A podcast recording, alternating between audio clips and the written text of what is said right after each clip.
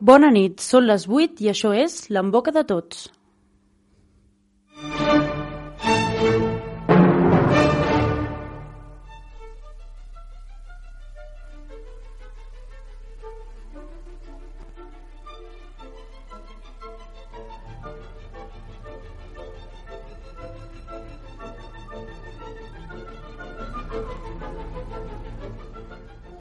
Encetem el nostre tercer programa amb aquesta nova estructura basada, com sabeu, en tres temes d'actualitat que han tingut ressò durant la setmana que deixem enrere. Avui us convidem a tractar amb nosaltres tres tòpics nous amb una mirada una miqueta més crítica. Aquesta nit parlarem de dos col·lectius socials que encara a dia d'avui malauradament no viuen en situacions d'igualtat. L'emboca de tots, en aquest sentit, avui és una crida esperançadora per aconseguir avançar pel que fa a la figura de la dona en el món i també pel que fa al col·lectiu homosexual.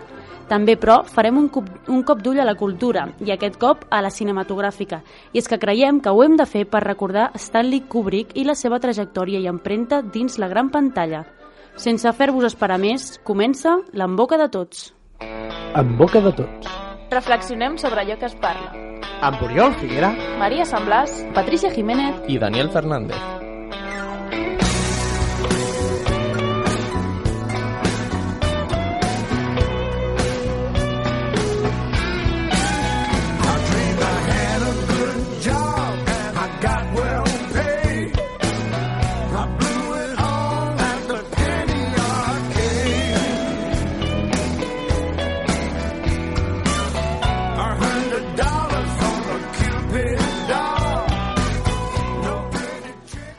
Bona nit, les 8 i 3 minuts i comencem el nostre programa número 72.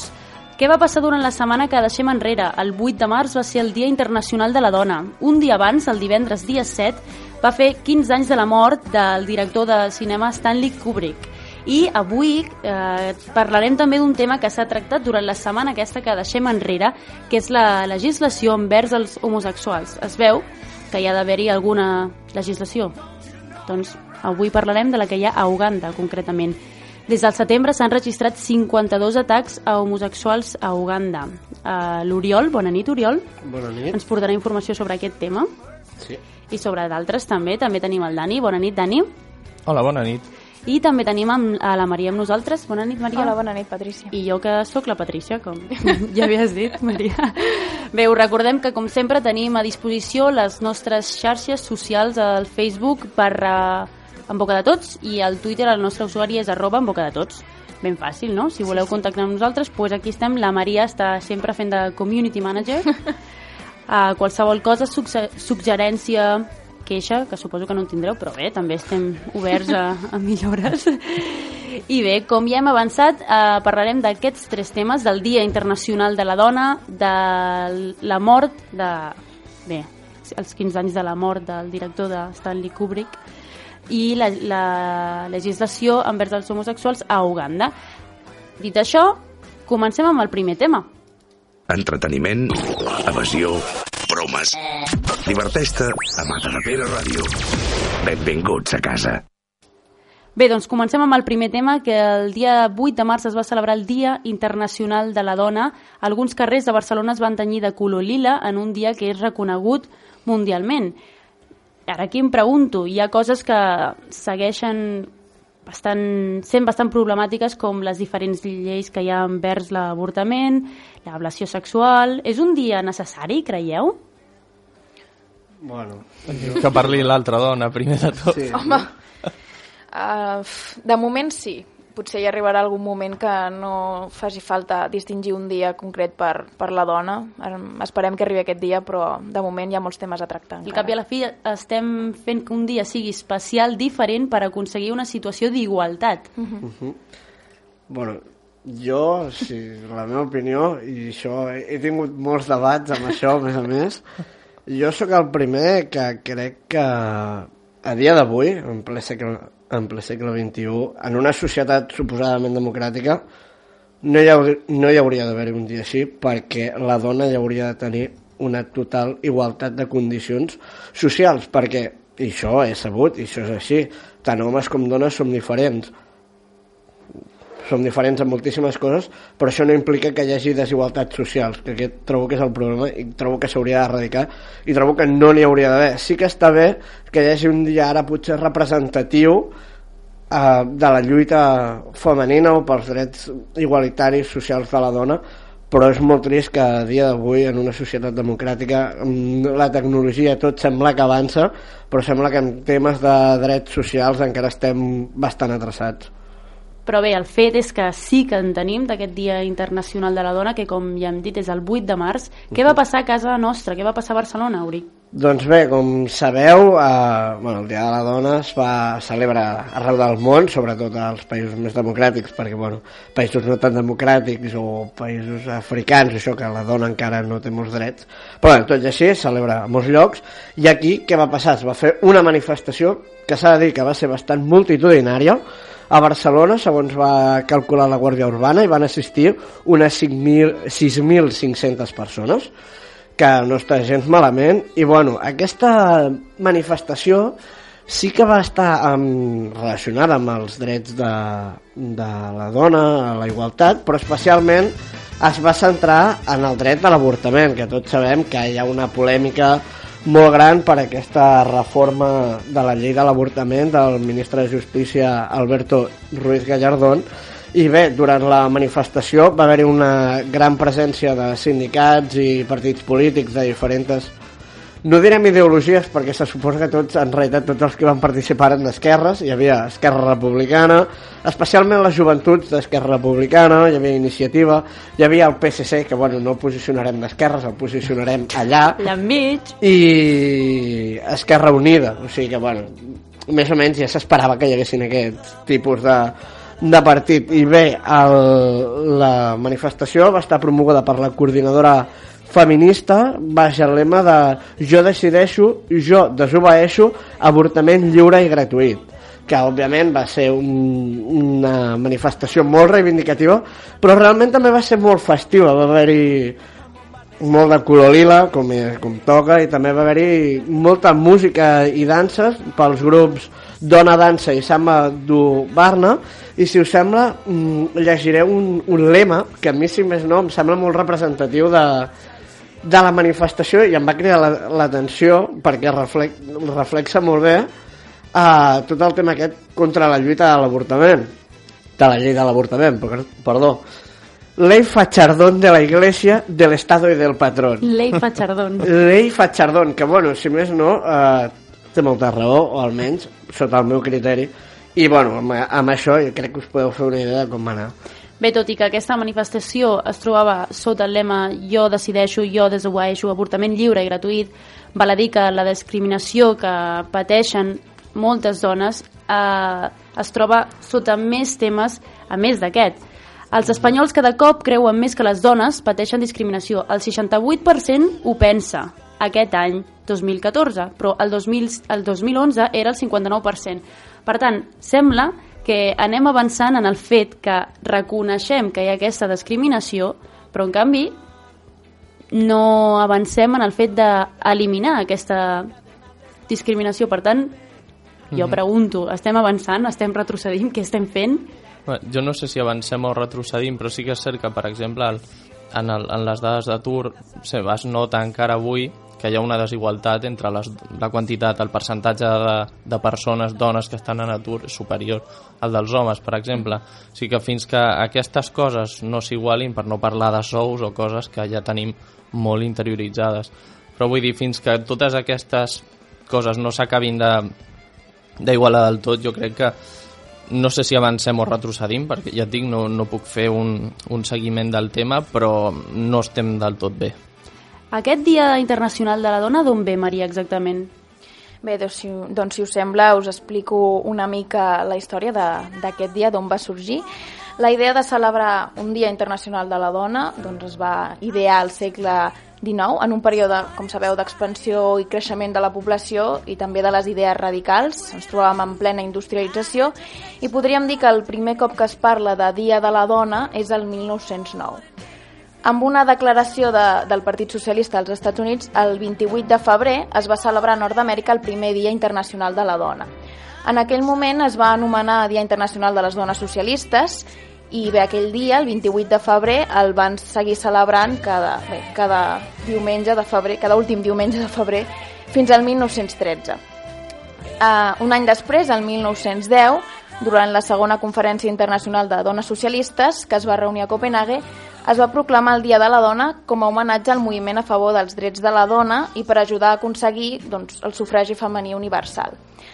Aquesta proposta va ser aprovada unànimament per la conferència, que estava formada per unes 100 dones de 17 països diferents, però encara no es va decidir el dia concret per a aquesta celebració.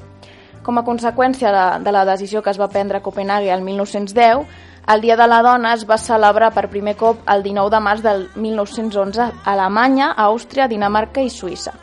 En aquests països es van fer diferents mítings, als que van assistir doncs, prop d'un milió de persones, i en aquests mítings van exigir el dret a vot per les dones i el dret a ocupar càrrecs públics. També el dret al treball, a la formació professional i a la no discriminació laboral. Que són coses que no s'haurien d'exigir, però... Exacte, però en aquells moments doncs, encara estaven més mm, retard que avui dia. Però l'esdeveniment, podríem dir, més important va succeir menys d'una setmana més tard d'aquell dia, del 19 de març, va ser el 25 de març del 1911, quan prop de, de 140 dones treballadores d'entre 14 i 23 anys van morir a un incendi a la fàbrica de camises Triangle de la ciutat de Nova York. Que, per cert, el color lila segons diuen, prové d'aquí, de...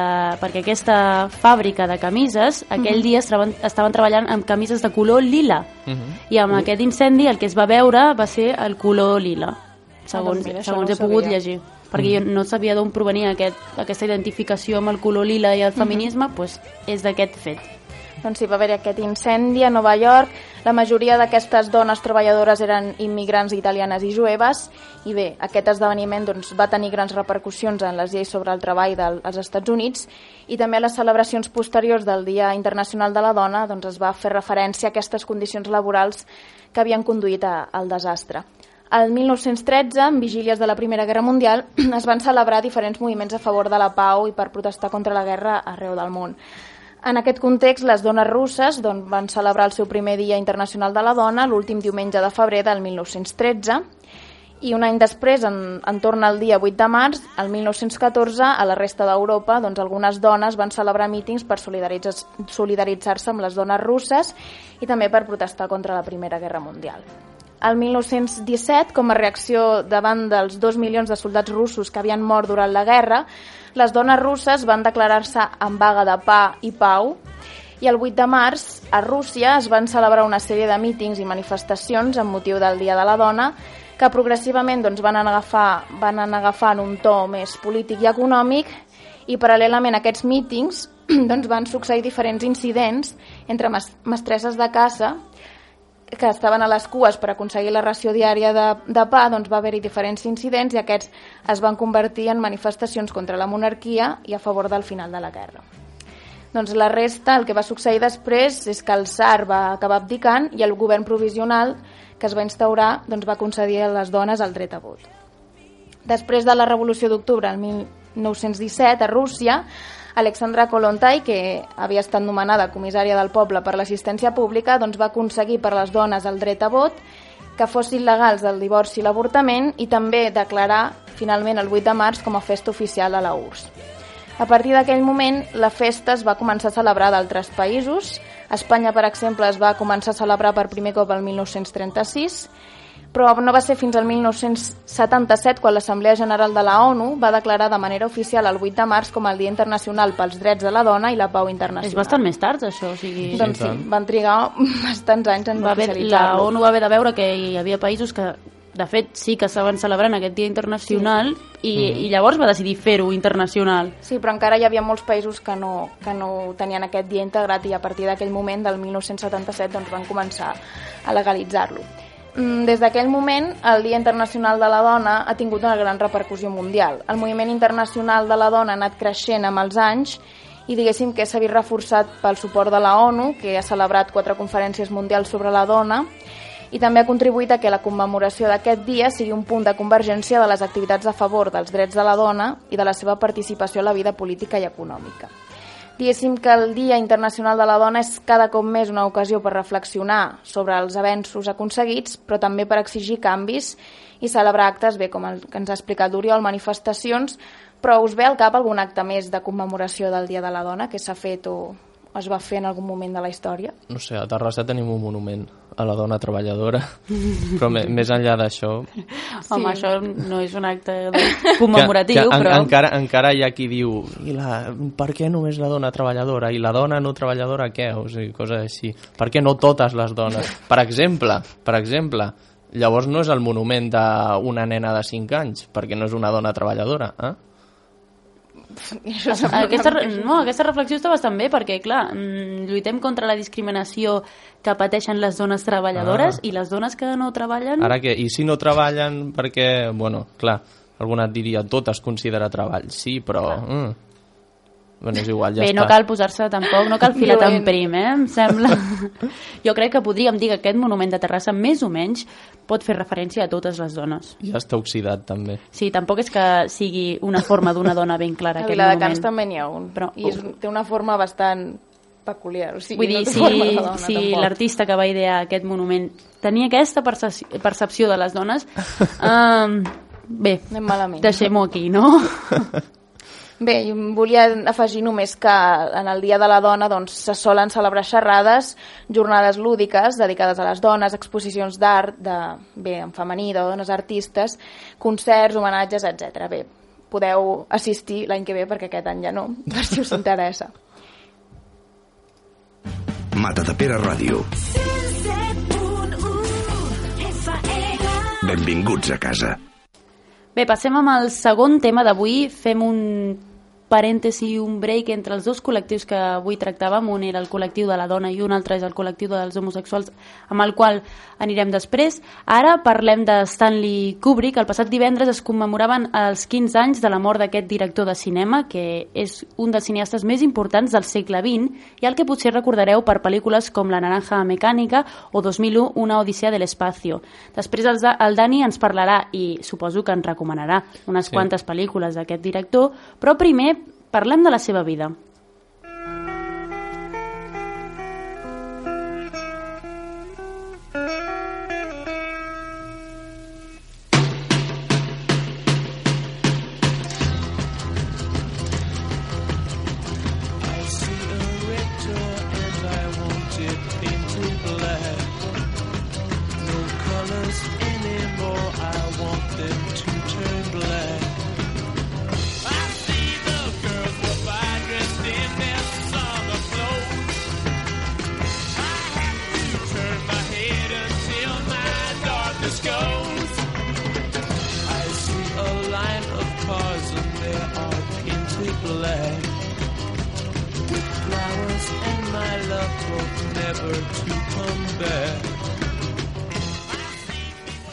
Doncs recordem que estem parlant de Stanley Kubrick, el director va néixer a, Nova York el 26 de juliol del 1928, concretament al barri del Bronx, en el si d'una família jueva de classe mitjana alta.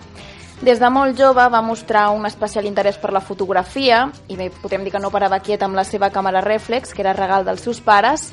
La fotografia va ser essencial per les seves pel·lícules, ja que es veurien molt influenciades estèticament per aquesta obsessió per l'objectiu, i la gran afició per la fotografia de Kubrick també el va portar a convertir-se amb només 17 anys en fotògraf de la revista Look, on va fer reportatges a importants estrelles del moment i on va aconseguir molta reputació professional. Quin fitxatge, no? Eh? Doncs sí, amb només 17 anys, déu nhi Un figura. Bé, Kubrick també era un gran expert en la música, sobretot en el jazz, fet que el va portar a escollir personalment algunes peces per les seves bandes sonores de les seves pel·lícules i també era un gran aficionat als escacs. Diuen que aquesta afició pels escacs el va ajudar a superar moments dolents de la seva vida i que més serien homenatjats en pel·lícules com Atraco Perfecto o 2001 i també ajudaria a polir el seu perfeccionisme i la frialtat del director a l'hora de fer pel·lícules. Bé, això només són suposicions, però el que sí que sabem de Kubrick és que va ser capaç de convertir en perfectes obres d'art històries que potser haurien quedat a l'oblit. Aviat es va donar que el treball de fotògraf no l'omplia del tot i que ell realment el que volia era fer cinema. Així que el 1951 va fer el seu primer curtmetratge, que es deia Day of Fight, un documental sobre un boxejador que va finançar amb els seus propis estalvis amb només 23 anys. Després va anar fent altres curtmetratges, demanant diners a la seva família, qui després els, els hi tornaria amb els anys, però no va ser fins al 1957, amb la pel·lícula Senderos de Glòria, que va començar a cridar l'atenció, diguéssim, d'un públic més massiu i a poder fer pel·lícules doncs, sense perdre diners. Les seves següents pel·lícules el van consolidar com a director meticulós i perfeccionista, en preferència, com sabeu, per temes polèmics o escabrosos. Algunes de les seves pel·lícules han sigut censurades durant molts anys en molts països, com per exemple La naranja mecànica, els que l'heu vist sabreu per què, suposo. Home, Jo no la censuraria, però bé, ja sabem que hi ha països... Mm. Bé, durant la seva carrera va guanyar un Oscar per 2001 Una odissea de l'espacio, Oscar als millors efectes visuals i també un Globus d'Or a la millor pel·lícula per Spartacus. Crec que, bé, és insuficient en la meva opinió, s'hauria d'haver emportat molts premis més. Mm. L'obra de Kubrick... Subjectivitat. Sí, sub- ja he dit que és la meva opinió. Sí, sí, sí. Podríem dir que l'obra de Kubrick es pot separar en dues etapes ben diferenciades. La primera és l'anomenada etapa clàssica o en blanc i negre, que inclou les pel·lícules El beso del asesino, Atraco perfecto, Senderos de gloria, Spartacus, Lolita i Teléfono rojo. I la segona etapa, que podríem dir que és l'etapa de maduresa o de renovació o fins i tot etapa en color, perquè les pel·lícules de l'etapa d'abans eren en, gairebé totes en blanc i negre. Sempre es diu que la segona etapa és la de maduresa. Queda, Sí. queda com Sí. molt...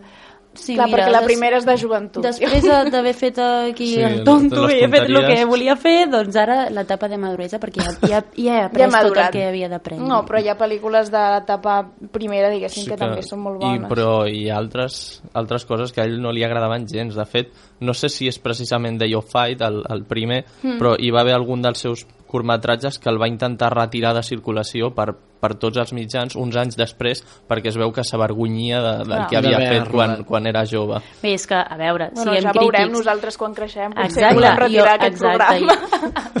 bueno, A veure, jo no, un moment, un moment, no ens És broma, passem. és broma. Jo no volia dir això, no volia dir això, però... No, però no cal anar tan lluny. Tu mira les fotos, les teves fotos de quan tenies 15 anys. Ja veuràs com les vols retirar.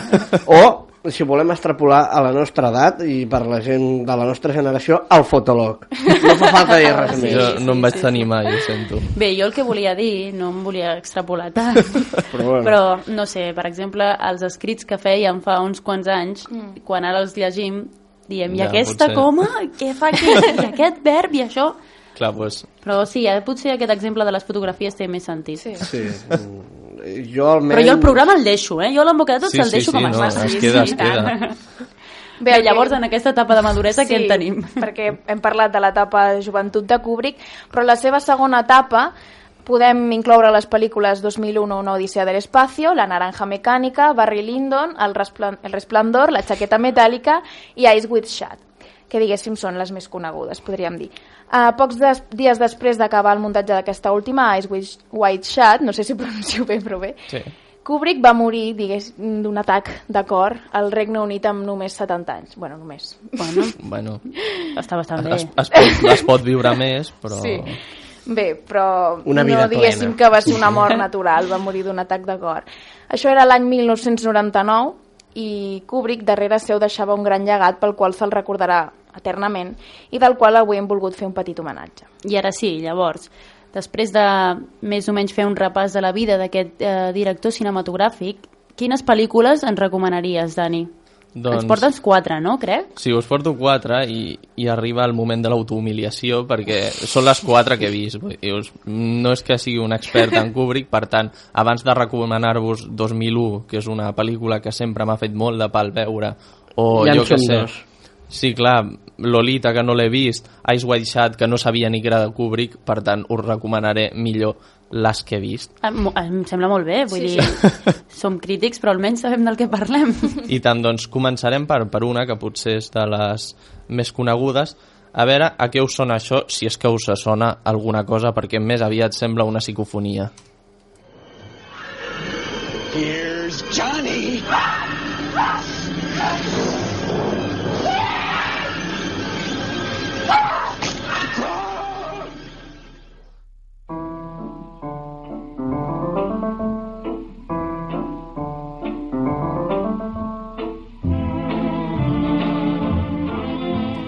A veure, aquest senyor que deia Here's Johnny, que en la versió en castellà que jo tinc a casa diu Wendy vuelvo al hogar i en una altra versió que he vist diu Aquí està Jack.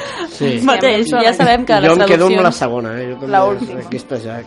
Doncs eh, aquest senyor és eh, Jack Torrance, el protagonista de, primer de tot de- d'una novel·la de Stephen King, que amb el mateix títol que la pel·lícula, El resplendor, i bé, no, no he vist la... o sigui, no he llegit el llibre, la pel·lícula sí que l'he vist, esclar, però bé, l'obra de Kubrick no sé fins a quin punt és fidel al llibre, però per mi és, és boníssima.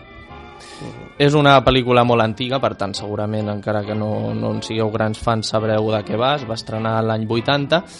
I bé, a grans trets, eh, Jack Torrance, aquest home que hem sentit eh, cridar i dir, dir, dir coses, és un escriptor que està bloquejat, Com sempre.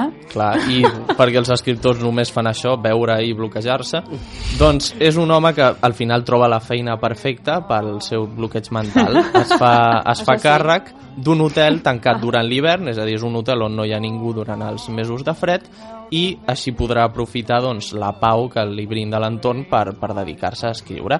Un cop aconsegueix aquesta feina, s'hi va amb la seva dona i el seu fill, que és un nen una mica especial, que té un Sí. amic imaginari, que direu, bueno, és normal que un nen tingui un amic imaginari, però és que el seu amic és bastant sinistre, la forma de parlar que té i tot Una mica. una miqueta. Doncs bé, un cop allà, doncs, la bogeria es, es desferma totalment i el nen veu coses, el pare veu coses, la mare... La mare, està, la, la mare està allà, que no se sap ben Que no bé. sap... Sí, Que diu, jo pel que vaig sentir, mm, ho va passar molt malament durant el rodatge. ho va dona. passar fatal, perquè Pobra Kubrick, dona. Sí, Kubrick sí. vull dir, es van Sí, segar amb bueno, ella... a part de que Kubrick es veu que era una mica com Alfred Hitchcock, que tampoc hi tocava massa, No, no. i tenia tendència a exigir, exigir molt. Sí, de fet, crec que, que la- l'actriu, que és Shelley Duvall, per poc no es queda calva de, de l'estrès que va Mare agafar. meva. Sí, no, no, es veu que va estar sotmès a molta pressió. Doncs sí, de fet a l'escriptor tampoc li va agradar gaire la, no l'actuació de Duval, sinó com estava construït el paper a la pel·lícula perquè si, bé, si, si veieu la pel·lícula Wendy, que és el personatge, l'únic que fa és, és no sé, cridar, Cridar. i fugir i, I poc i ser més. passiva i rebre cops i ell, eh, Stephen King, diu que aprofitant que, és, que estem recordant també el Dia de la Dona, que allò era un personatge molt misògin i que no Sí. era el personatge que ell havia escrit, que era una dona molt més Molt humana. pàmfila, tal qual, era molt pàmfila la dona aquella, és que a part de córrer i cridar no fa res més en tota la pel·lícula. A part d'aquell aspecte lànguid, que és Sí. molt esprimaixada, molt pàl·lida, realment, no, no acompanya a res més, No, no. s'ha de dir. Doncs bé, us la recomano molt. Si... És una pel·lícula de terror, però no sé, és que no, per mi no és de terror. No, hi ha algun moment així més impactant i té la seva intriga, Sí. però de por, és, de és por més no. aviat psicològic que una altra cosa. Sí, i a més jo crec que ha de destacar, jo que porto molts anys en temes de teatre, a Jack Nicholson. És Fa un genial. paper mm, espectacular, no el següent, hauria de tenir un Òscar per aquesta pel·li. Mhm. Patricia, Maria, l'heu vist? No. Jo no, he de dir. Em fa por. Doncs si, si no us fa por ni, ni fàstic, eh, les escenes, bueno, una Fàstic, mica... clar, també hi ha escenes d'aquestes de Bueno, fàstic. Hi ha sang... Hi ha, hi ha una en concret que hi ha, diguéssim, certa sang Sí. en Ja, Segur que la, les Sí, escenes sí. aquestes segur que ja les he vist en, en un Sí. Per això programa vull dir d'aquests. Sí. que se- segur que us, a, us sonen.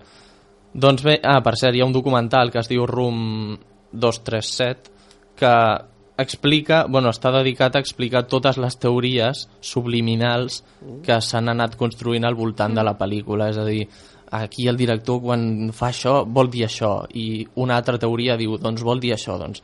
i hi ha algunes que són autènticament delirants doncs bé, acabem de parlar de, del resplendor i anem amb un altre clàssic que també està adaptat d'una novel·la i si us sembla bé, aquí sí que parlant en, perfecto castellano escoltem la introducció.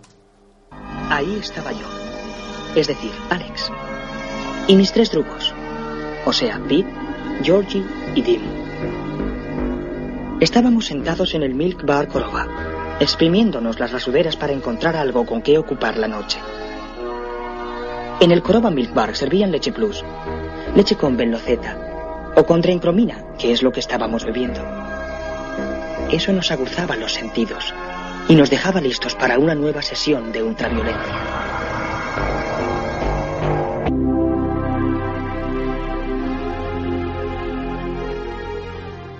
Bueno, en realitat tampoc se l'entén gaire. Com que no? Depèn, de, depèn de quines paraules diu, és com... Parlen eh? nats. Bueno, sí, quan parla del tema de tot el que porta la llet, potser ja et perds No, una i quan diu estàvamos jo i mis tres drugos, diu Sí. que, que, és un drugo. Doncs és, és, el, és, bé, és, és l'idioma que es va inventar la- l'autor del, Natsat. del llibre, mesclant la, la, el rus i, i l'anglès o el castellà en aquest cas. Eh, L'autor de la novel·la és Anthony Burgess i Àlex, que és el protagonista que hem sentit parlar, és un adolescent post-apocalíptic en un món pràcticament post-apocalíptic. Això amb què una- vol dir, Dani? doncs que, que és, vull dir que el, que el tio no està gaire centrat, és una persona... No, no, no és una, destacaríem per la seva cordura, no? Ets, ets un noi postapocalíptic. Vull dir, perquè no, perquè és... No, perquè el, el seu cap no és normal. Llavors la, les seves distraccions són parlar d'aquesta manera tan graciosa que hem, que hem pogut sentir, eh, drogar-se bevent llet eh, adulterada amb diverses substàncies que no entenem, eh, sortir amb els seus tres drugos, que tampoc són uns xicots gaire saludables, i, Ni intel·ligents, I bé, tampoc. es diverteix a, a cops de bastó, és a dir, fotent pallisses i violant gent, i escoltant el seu estimadíssim Ludwig van Beethoven. Aquest és l'únic punt de, no sé, de, és que de en realitat, és com, sofisticació. un- en realitat és com un personatge sofisticat per la música que escolta, per el llenguatge que utilitza, perquè Sí. realment, en comparació als seus companys, ell és el més Té- té intel·ligent. una mica de coco, sí. És com una espècie de geni, però que alhora està tan tarat per les aficions que té. I és curiós perquè la societat és com moderna, però és Sí. alhora... És, és, estranya, és, una està societat tot estranya. brut, fastigós, vull dir, no sé. Sí, és, Bé, és doncs curiós arriba un punt que, que el nostre bon amic Àlex, doncs al final la seva quadrilla de xalabrats es desmembra per, per algunes traïcions, no, ara no us explicaré res més, però ell acaba detingut per la policia i forma part d'un experiment per redreçar-li el comportament. Potser us sonaran les escenes de, del protagonista amb uns, una espècie d'agulles posades als ulls o unes pinces, Sí. veient imatges estranyes tota l'estona a la pantalla, doncs és un experiment per redreçar-li el comportament.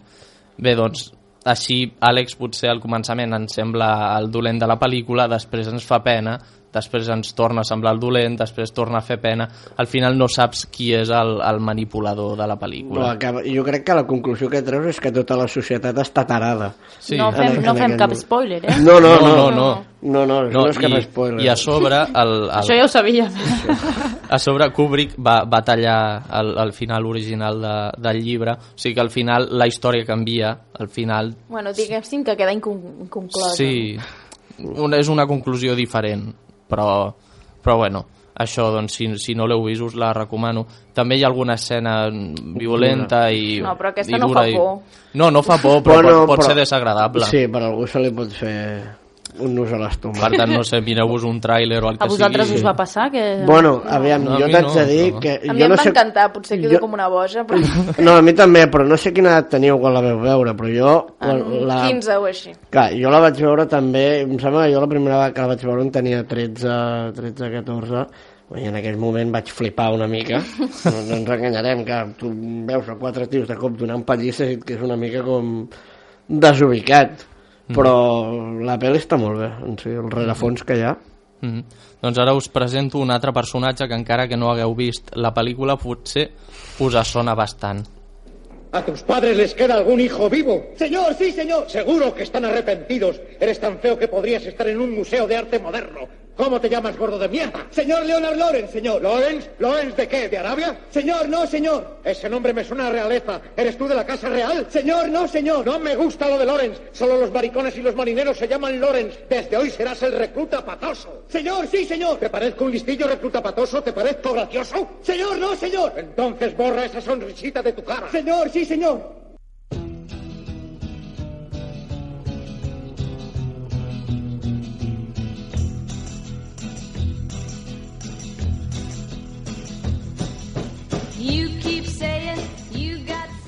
Doncs bé, és el sergent Harman no és el protagonista de la jaqueta metàl·lica, però la primera part de la pel·lícula és, és el personatge Sí. més... Estra estrella estel·lar, digue-li com vulgui, és brutal tant. aquest personatge. Doncs bé, La jaqueta metàl·lica és una pel·lícula també basada en una novel·la, amb dues parts bastant diferenciades. La primera, on un grup d'aspirants a marines dels Estats Units s'entrenen sota les ordres de- d'aquest sergent, i la segona, doncs, on un d'aquests reclutes, el recluta Buffon, ja és a Vietnam com a reporter oficial de l'exèrcit. És a dir, és un periodista a, a sou de l'exèrcit i que, per tant, les seves notícies consisteixen a deixar bé tot el que fa doncs, a, als soldats. Doncs bé, la primera part és la més coneguda, que és aquesta que surt el recluta Patoso i el, i el sergent Harman, amb les seves frases genials, però la pel·lícula en el seu conjunt jo crec que val molt la pena i, com és habitual en el cas de Kubrick, no és una pel·lícula que, que et parli molt bé dels valors de la guerra i que exalti l'honor i tot això, sinó que és més aviat una crítica. No sé qui l'ha vist d'aquí. Jo. Jo, jo l'he vist. Jo no l'he vista. M'he de posar el dia de Kubrick sí, sí. perquè esteu veient. Doncs jo te la recomano, vull dir, no, no cal que les... Vull dir, no sóc molt de dir que, de coses que s'han de veure abans de morir ni res, però són prou entretingudes. Eh? Aquesta de, Sí. De la jaqueta metàl·lica no, no és gaire desagradable, vull dir, no, no té escenes més enllà dels et insults deixa, de... Però et deixa una mica de mal cos. Sí, però, però bueno, no, no és allò de sang ni res. No, això no. Doncs bé, per acabar us volia presentar una, una altra pel·lícula que no té gaire a veure amb aquestes, però la vaig veure fa poc i a mi em va encantar. Monsieur! És un mort!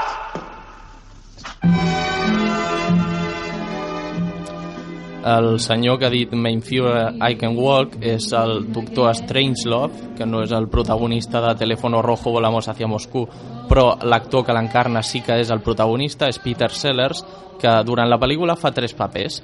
Fa de doctor Strangelove, que és un doctor nazi reciclat per, per la, el govern dels Estats Units, per ajudar-lo doncs, amb les qüestions nuclears i tal. També fa de, fa de militar britànic i també fa del mateix president dels Estats Units. La història, doncs, un militar nord-americà boig ordena un atac per aire a certes bases claus de la Unió Soviètica i el president dels Estats Units es reuneix amb l'ambaixador soviètic per informar d'aquesta imprudència i al final tots se n'adonen que si l'atac es produeix per certes vicissituds que no venen al cas, el món s'acabarà. Vull dir, es, es crearà una cadena d'explosions que acabarà amb el món. Doncs és una pel·lícula, és una comèdia d'humor negre en blanc i negre, per tant és l'última d'aquesta primera fase de, de les pel·lícules de Kubrick. I hi ha una imatge bastant coneguda que és la d'un militar muntant una bomba nuclear com, fi, com si fos un animal de rodeo Ah. fent volallant el, el barret de cowboy.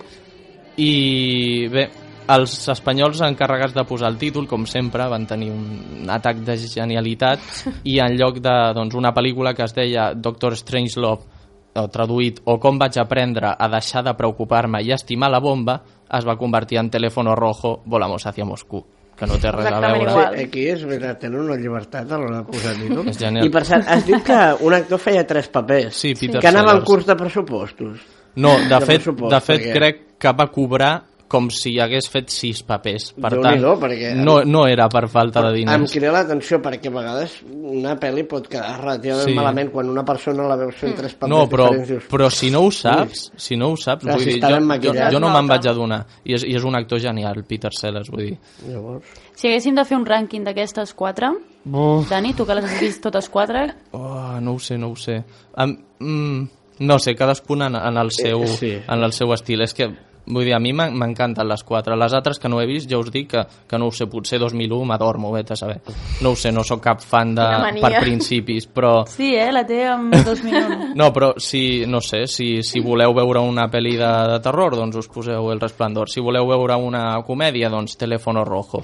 Que, bueno, si sou juvenils, no sé si us farà gràcia, perquè és del 67, però, bueno, jo la vaig veure i, i em va encantar i sóc més...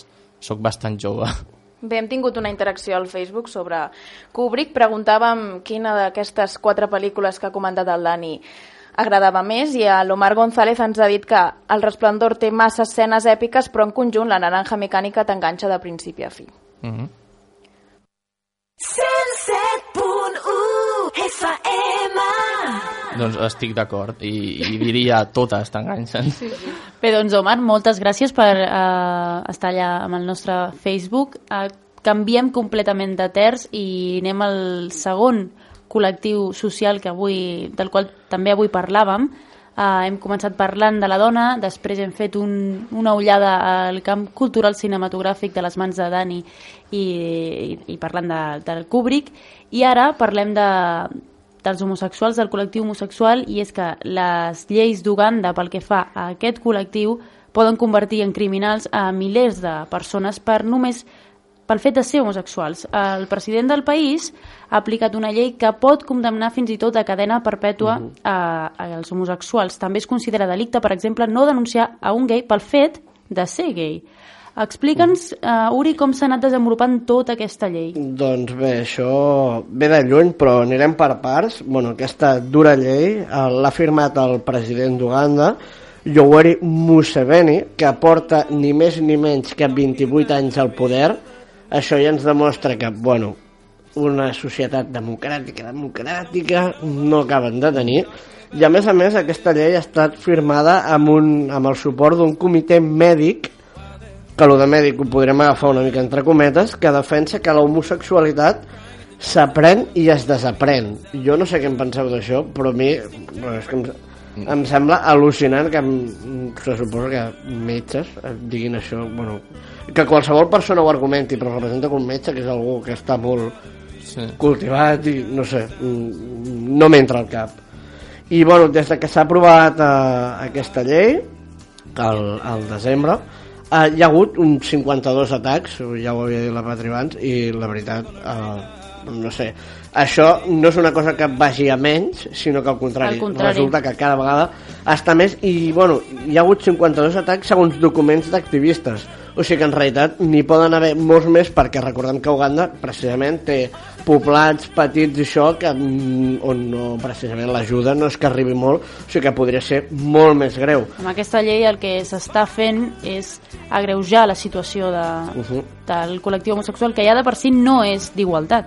A més a més, eh, aquesta llei, des de que s'ha tirat s'està tirant endavant, eh, bueno, ja, Uganda ja ha rebut diverses advertències de part dels Estats Units, del Banc Mundial, de Noruega, de Suècia, de Dinamarca, diguéssim, de primeres potències mundials, dient que si no, que si no frenen aquesta llei eh, tallaran en sec les ajudes econòmiques i això faria que el país no, no complís les expectatives de creixement del 6%, que un 6% econòmicament parlant és molt per un país. I realment un país com Uganda, que és un país africà que està en vies de desenvolupament, o sigui que realment aquesta llei pot portar unes conseqüències molt dolentes, ja, bueno, ja les està portant, però que encara poden ser més greus. I bueno, això realment és una cosa que s'hauria de tenir en compte. I bé, aquesta llei ha estat retocada, però ja us dic que abans era molt pitjor. O sigui, si ara ja és dolenta, imagineu-vos com era abans. Aquesta llei, en un primer moment, incluïa ni més ni menys que la pena capital. Mm -hmm. O sigui, si tu eres homosexual, estàs condemnat a mort. Qui la va portar a terme, aquesta llei? Doncs el parlamentari David Bahati, que bueno, és conegut pel seu fervor religiós evangelista. Sabeu que els evangelistes precisament són una de les branques potser més, no diré radicals, però bueno, ho podríem considerar Menys realment. tolerants, per dir-ho sí, per dir d'alguna manera una mica eufemística. i bé, bueno, com ja hem dit, aquesta llei s'ha modificat i s'ha passat d'una pena capital a, a una cadena perpètua, que bueno, tampoc és que s'hagi millorat molt. S'ha de dir que aquesta llei ja està firmada, però encara falta una ordre ministerial perquè es posi en marxa, però tot i així falta aquesta ordre, però tothom sap que s'aprovarà i en el carrer això ja és present, perquè es nota amb les agressions, el, el president ja l'ha firmat, per tant, eh, ja està eh, en actiu. S'ha de dir que això no sempre ha estat així, i és curiós perquè això ha començat, aquesta persecució dels homosexuals, a partir de l'arribada de, dels evangelistes. Curiosament, fa uns 15 anys van arribar sobretot el que serien, el que coneixeríem aquí, ara no em surt el nom, com a missioners, perdoneu, com a mi els missioners, sobretot americans, de regions com, si no m'equivoco, eren Kansas, eren Texas, que ja tenen una... que són, de tendència evangelista, doncs van arribar allà i diguéssim que en comptes d'ajudar, que se suposa que és la funció d'un missioner, que no estic dient que no hagin ajudat, però sí que en quant a temes de religió no han ajudat gens. Al contrari, s'han anat acostant al poder, van arribar a crear el pentecostalisme, que se li diu, que és una unió d'esglésies que realment té molt poder allà i, i, actualment, avui en dia, encara que sembli sorprenent, la religió evangelista allà està en creixement, que curiosament, normalment a la resta del món la religió cada vegada té menys pes, doncs no, aquí cada vegada té més i tenen més poder. I ells precisament són els que han iniciat aquesta campanya contra el, el col·lectiu d'homosexuals i curiosament a mesura que també han arribat al poder les polítiques en promoció o fomentant l'ús del preservatiu eh, per intentar evitar el màxim possible la, mm, el SIDA el virus del VIH doncs han desaparegut. O sigui que curiosament no és que si no totes han desaparegut però sí que s'han vist molt reduïdes Uh -huh. que bueno, això si més no eh, si ja era retrògrad doncs encara més i bé i ja com a punt final d'això que ja aquí ja em sembla que si ja s'han passat moltes línies vermelles ara ja s'ha arribat a un punt extrem, que jo crec que això implicaria més actuació internacional en comptes d'aquestes amenaces que, bueno, que moltes vegades diuen i després no es compleixen, i és que les esglésies d'allà, i segons quins poders polítics d'Uganda, diuen que bueno, el col·lectiu gay amenaça la família tradicional, però bueno, això ja ho sabem que això realment ho diuen tots, aquí a Espanya això també es diu, Mhm. tot i que la família tradicional eh, potser que és una cosa bastant obsoleta, Sí. I però a mi el que sí que m'ha cridat molt l'atenció, que és una cosa que diuen, que és que es dediquen a reclutar a nens per la prostitució. Mare meva. I a part que es dediquen, els gais es dediquen a dirigir el, el, el, els puticlubs, els prostíbuls, o sigui, si més no, que diguéssim que tot lo dolent relacionat amb el sexe ho porten els homosexuals, però ja arribar al punt dels nens, o sigui, ja em sembla demencial, realment. Jo, jo no sé què en penseu, però a mi realment, jo quan ho vaig llegir, jo em vaig quedar de pedra perquè meva, i a més em sembla que hi ha molt, molt poca pressió per part de, de països més desenvolupats. O sigui, no, no puc entendre que encara no, no ens considerem iguals pel fet de tenir un tipus d'atracció sexual diferent. Bueno, no, no m'entra al cap. I eh, una de les coses que, bueno, tot eh, sobta del que estàs explicant, Uri, però el que bé deies al principi, que el comitè mèdic d'un país, que Mhm. suposa, se suposa que és una... que a més són especialistes són especialistes, que són ben entesos en algun tema, són els que també defensen tota aquesta legislació i això que un, la sexualitat es pugui aprendre i desap desaprendre, Mhm. bé... Eh, És a dir, és suficient en preguntar-li a una persona homosexual tu has triat ser homosexual? O sigui, algú, algú t'ha ensenyat a ser gay, ho has vist en algun lloc i has dit, ui, m'agrada, ho faré. És absurd. Vull dir, i quan no t'interessi seràs capaç de dir, no, ara ja no m'agrada, ara, jo que sé, m'ho trec de sobre, em curo, com els hi encanta dir Sí. a molts Sí. líders religiosos. Bueno, precisament És- temes d'evangelisme. Si mireu algun documental, això sempre surt, temes d'exorcisme per treure Sí. l'homosexualitat, De uh, tot, xerrades, medicaments, que bueno, això ja em sembla extremadament absurd. Un, una estafa com qualsevol altra, no, al final. Bé, el col·lectiu LGTB, de, recordem que és lesbianes, gais, transexuals i bisexuals, perquè de fet mm, cal englobar-los a tots. Si s'ha de fer alguna distinció, que jo crec que no s'hauria de fer, no s'hauria de, de dir col·lectiu tal o Mhm. col·lectiu de l'altra manera, però bé, té aquest nom, LGTB, eh, no només està perseguit a Uganda, de fet és il·legal a 76 països, oi, Dani? Sí, i tant. eh, en, amb aquest fet clarament també estem retrocedint, és com en el tema de la dona que dèiem abans. Ens fas un mapa d'ànim més o menys de la situació mundial pel que fa a aquestes legislacions? Doncs sí, mireu, si, si comencem pel, pel continent africà, que és on, on érem, no, podem dir que no hi ha un tractament legal únic a, l'Àfrica, però en general és un tractament desfavorable. En general l'homosexualitat està perseguida al món àrab, per suposat, més al sud d'Àfrica tres quartes parts del mateix. Les legislacions nacionals que regulen l'homosexualitat i en general gairebé qualsevol altre tipus de comportament sexual, doncs sempre tenen a veure amb el nivell d'acceptació que el comportament té en aquesta societat. És a dir, què significa? Doncs que les lleis, d'alguna manera, recullen la forma que té la societat de tractar un, un cas concret. Per tant, encara que s'aconseguís mm, tombar una llei de, de repressió contra la homosexualitat, mentre no s'eduqui la gent, no es, no es faci un abans per, per dir a la gent, escolteu, és que no hi ha cap problema amb això, al final els, els atacs, per exemple, els atacs de, de gent que, que a motu proprio ataca algú per ser homosexual no, no tenen per què acabar. Per tant, al final, encara que no hi hagi una sanció penal darrere de, del fenomen que, que sigui, doncs la sanció social dels teus veïns que no volen parlar amb tu, dels, la gent que t'insulta, la gent que t'ataca, que t'obliga a marxar fins i tot de casa, doncs pot ser tan greu com una, com una cadena perpètua. Doncs bé, hi ha un marc legislatiu internacional que, que diu que, doncs bé, que considera, l'ONU per exemple, considera que tots som iguals sense cap tipus de distinció, però al final ja, ja veiem que, que això no és així.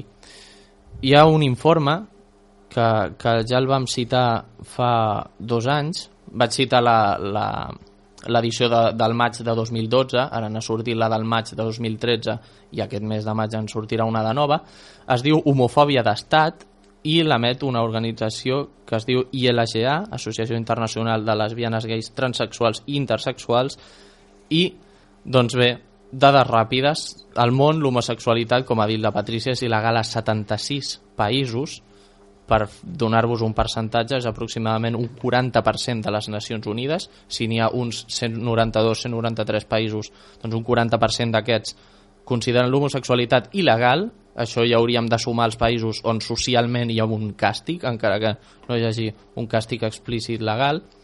No només són països africans, però sí que gairebé la meitat, 36, estan a l'Àfrica. I bé, més de la meitat dels governants africans han penalitzat formalment les unions entre persones del mateix sexe. Per cert, ara aquí volia fer jo un apunt, perquè m'he quedat en... quan has dit l'Associació Internacional de Lesbianes, Gais, Transsexuals i Intersexuals. Uh -huh. L'Uri és i jo ens intersexual? hem mirat com dient tenim un concepte nou, intersexuals.